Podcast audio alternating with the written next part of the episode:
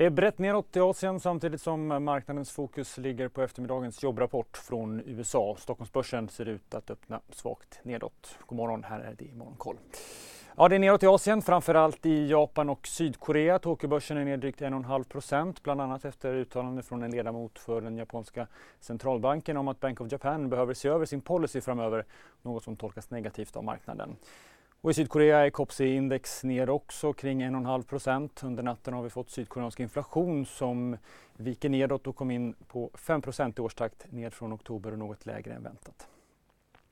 Även Hongkongbörsen tappar liksom börserna i Fastlandskina. Samtliga är ner kring en halv procent. Wall Street rörde sig kring nollan under gårdagen. Tekniktunga Nasdaq och S&P 500 rörde sig bara marginellt medan industriindex Dow Jones backade drygt en halv procent. På räntesidan så fortsätter den amerikanska tioåringen nedåt men har studsat upp något nu under morgonen och står i 3,55. Börsrallyt tidigare i veckan kom ju i spåren av Fed-chefen Jerome Powells besked att man kan gå mildare fram redan med decemberhöjningen. Igår fyllde ytterligare en Fed-ledamot eh, på. Det var Fed-guvernören Michael Barr som sa att det kan vara klokt för Fed att sänka höjningstakten i sitt nästa möte. Just nu så prisar marknaden in en höjning med 50 punkter den 14 december. En viktig siffra för Fed kommer redan alltså i eftermiddag, den amerikanska jobbrapporten Non-Form Payrolls.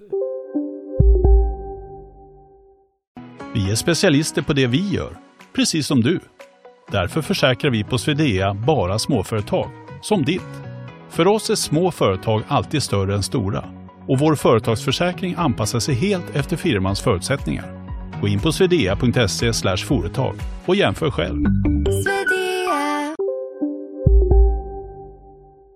Släpps klockan halv tre och förväntan ligger på att antalet sysselsatta ska öka med 200 000 personer något en nedgång från den senaste rapporten.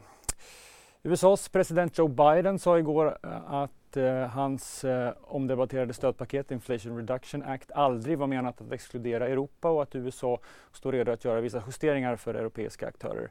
Inflation Reduction Act är menat att stödja nordamerikansk produktion av bland annat högteknologiska chip och förnybar energi.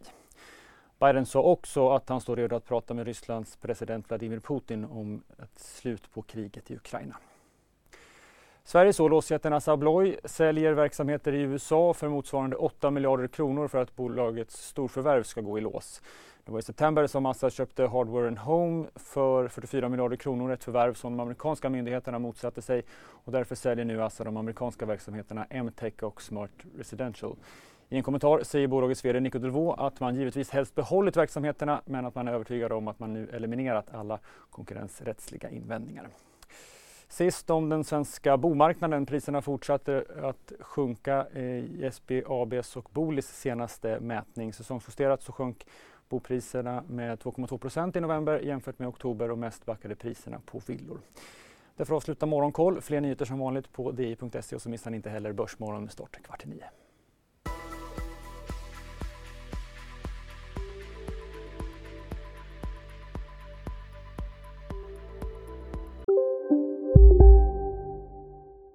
Där det finns ett samhälle, där finns det brott.